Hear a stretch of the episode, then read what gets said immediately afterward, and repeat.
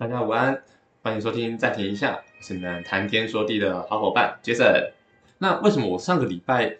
拖了两集都没有录音？因为我刚好上礼拜我在台北待了四天，然后去了一趟台北，回来之后，呃，这趟台北我只能说，哇，我身边真的有很多的好朋友，因为之前有跟大家聊过嘛，我的电脑就是以前在台南的这台电脑是我旧的 Mac 笔电，就是苹果的 Air Mac 的系列。那那一台是二零一三年的时候买的，到现在整整快十个年头了。呃，不能说它的效能不好，但是它明显的已经没有办法去负荷说我们现在的一些使用上的习惯，或者是我需要使用到的功能。像是我在录音之后，我需要去做一个编辑嘛，所以我可能要找一个比较适当的录音软录音软体，或者是说要一个编辑软体。但是因为那一台 Mac 笔电里面只能够用最原始的他们的录音功能。它造成说原始的录音功能，OK，我录好音了，可是它没有办法把档案直接变成一个 MP3 或者是 MP4 的档案传输出来，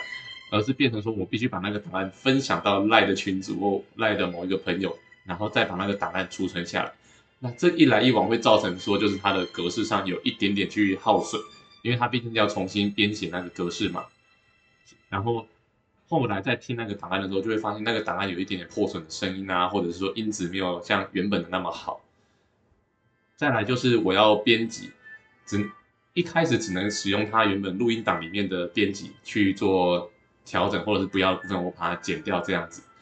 可是，在 Apple 其实有一个很不错的软体叫做 GarageBand，这个这个软体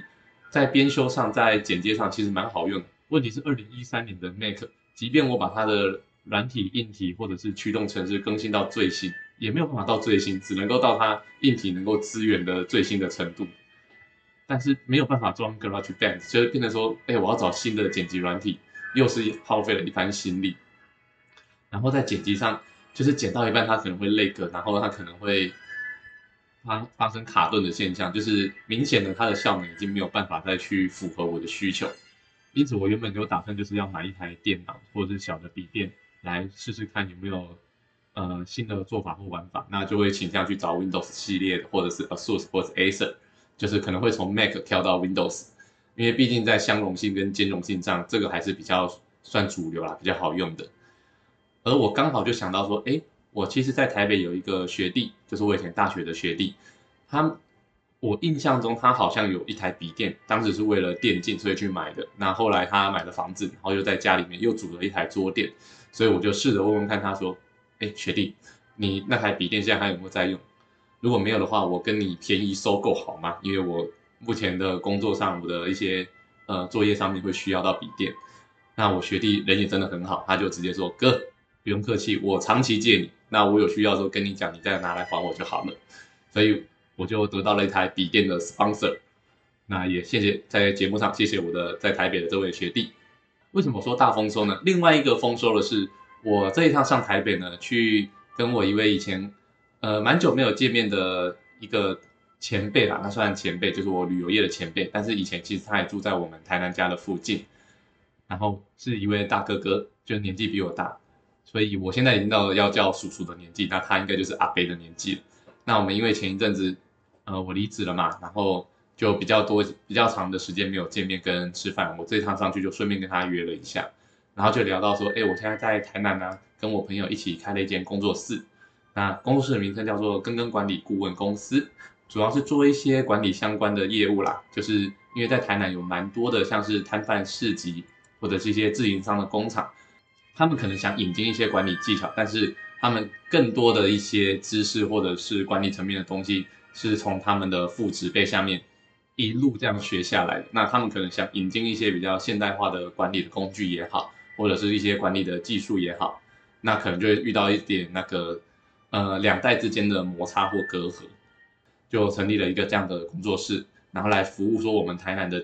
不论是自营商也好，或者是中小企业的想要转型、想要导入管理系统的一些公司也好，都是我们的服务范围。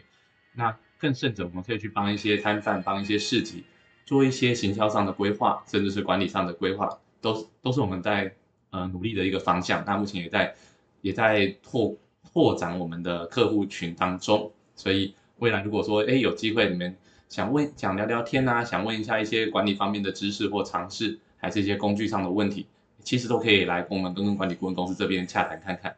那联络的方式我到时候会放在我们的资讯来，就欢迎各位有兴趣的朋友们都可以来跟我们询问看看哦。讲到说我刚刚去找一位这位前辈吃饭嘛，其实我们在吃饭的时候就只是单纯的聊聊天，然后聊到说我跟朋友现在在做的一些什么事情啊，然后呃主要努力的方向以及目标。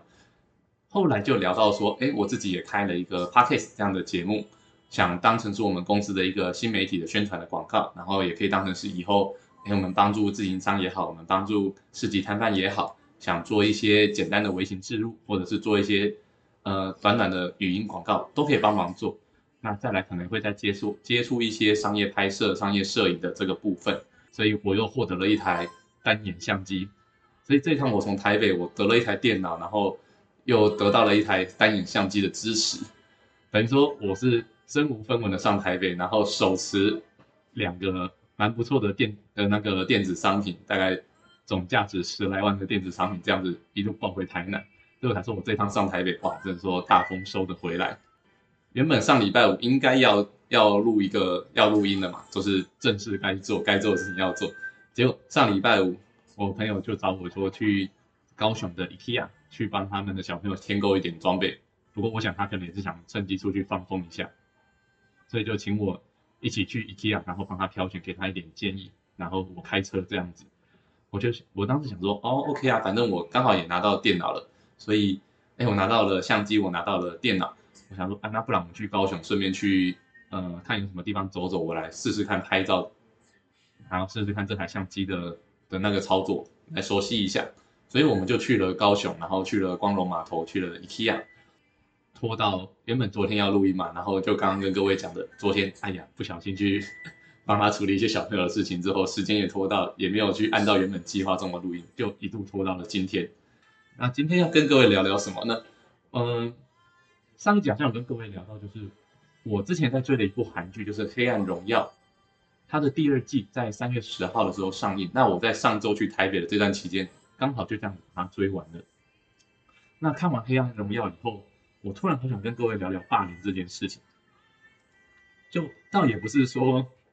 呃，要去霸凌别人，或者是说怎么样，而是我不知道各位在自己的生涯经验中有没有遇过霸凌这样的事情。我觉得可能在台湾比较难以想象，因为我自己小时候也没有遇过说真正意义上肉体的霸凌，反而比较多的就是，呃，在心理层面啦。因为我觉得我们那个时候国中国小的时候比较常发生的事情就是。所谓的排挤吧，那也算是一种霸凌，心灵上的霸凌。可是说的真的要到肉体上的，我觉得我自己可能从国小、国中到高中，真的是在一个比较相对淳朴、相对简单的环境里面，所以真的没有遇过那种肉体上的霸凌啊，真的在你身上造成造成伤痕，然后严重到让你想要就是去自残也好，去自杀也好，还真的没有遇过这样的事情。可是当我看完《黑暗荣耀》以后，我不禁想说，哎，那我要去查查看，说《黑暗荣耀》的背景啊，就刚好查到了一篇文章，里面写说，《黑暗荣耀》背后的故事，其实比韩剧演的是更加悲惨的一个霸凌的实例。然后我就把这篇文章看完以后，就不胜唏嘘，就觉得说，哇，在南韩其实真的是一个相对，我觉得，难怪以前看过一篇文章叫做《地狱朝鲜》，就是在讲述说，你从南韩你在。从受教育的阶段到你毕业，可能我们没有到非常透彻的了解。可是你看了那么多的韩剧，然后再看了这么多相关的报道之后，不难想象说，就是啊，他们在求学阶段的那个阶级的制度也好，然后那个你家世背景的制度的那个，呃，是否是否有很好的家世这件事情也好，他们的压力都比我们台湾大好多好多。有时候我们根本也不会去在乎说，哎，这个人家多有钱。大家在小学的时候，你再有钱，顶多就是多一台电动，多两台电动。可是如果大家都在玩，大家打篮球啊，在打棒球的时候，你其实也不会 care 有没有多那一两台电动。然后我可能也不是真的读那种贵族世家的学校上来的，比较没有遇过类似这样子的感受。然后在《黑暗荣耀》第一季里面就有演到说，真的拿那个什么电法棒去烫人，在这篇文章里面写说。就是拿电卷棒去烫人这件事是真实发生过的，在韩国真的有学校有发生过这样的事情。后来我就就自己想，哇，那我也有小朋友，等他长大以后，如果遇到类似这样子的事情怎么办？是要遵循我们华人的传统吗？沉默是金，就是你忍下来，你都不要说嘛。以前的话，可能我有类似这样的观念吧，可能在学校有一点点的委屈呀，或者是可能在呃职场上或者什么有这样一点点的委屈，有觉得说，哇，怎么会发生这种事情在我身上？或听起来感觉这件事情不合理，但是你就会觉得说，啊，我稍微隐忍一下，大家风平浪静的就过去了。我觉得我在以前自己的个性会比较偏向这样子，可是我反而不希望我的小朋友这样。我反而就会希望说，你真的被人家欺负了也好，你受了委屈也好，你只要觉得不合理，我会希望他提出来跟我说。那我也不知道说我到底到时候会是什么样的回应，但我可能会尽量希望自己是用一个公正客观吧，跟他站在同一阵线的角度去看待他跟我诉说的事情。如果说我们真的有错，那接受处罚，或者是呃虚心去检讨，去理解自己错在哪里是很重要的。但是如果是我们没有错呢，我们无端端的遭受了这样子的迫害，遭受这样的霸凌，那真的有需要隐忍吗？有需要忍让吗？这个我觉得是在时代变迁里面一个很值得思考的问题，就是有没有需要让你自己曾经感受过的那些不愉快的事情、不愉快的回忆，让你的下一代或是让你的小朋友也去接受，然后你是逼他接受，这样想想好像也不是一个很正常的做法，也不适合，所以我觉得我会鼓励我的小朋友去说。你如果觉得不合理，那你说出来，我们讨论看看。但是如果你真的有错，我们讨论出来之后，发现说，哎，你也有理亏，你也有错，那是不是也要去检讨一下，要去改正一下自己在做错这件事情上面的态度也好，或心态也好？所以我也希望说，如果各位未来有机会，呃，成为父母啊，希望都可以跟自己的小朋友站在同一阵线，然后小朋友永远可以教你很多事情，不论是你可以永远去发现你有新的技能还没有被开发也好，或者是说。你有可以去发现，其实以前你自己遭遇到这些事情是不合理的，那你不希望你的小朋友也遇到，但你又不希望他过度放纵，变成了骄纵自大的个性，那要怎么样去做引导？要怎么样去做调整？我觉得这都很蛮重要的一个事情，而也是正等待着我们去做学习的这样子。好了，我们今天录音就到这里，因为我也觉得我，呃，今天的录音感觉没有很顺畅，好像在说话上有一点点卡词，有一点点结巴，我觉得真的太太久没有录音，看我还会大舌头。太久没有录音后，真的是不可以，要不得。好，今天我们暂停一下，就录音录到这边，谢谢各位的收听，我们下一次见，拜拜。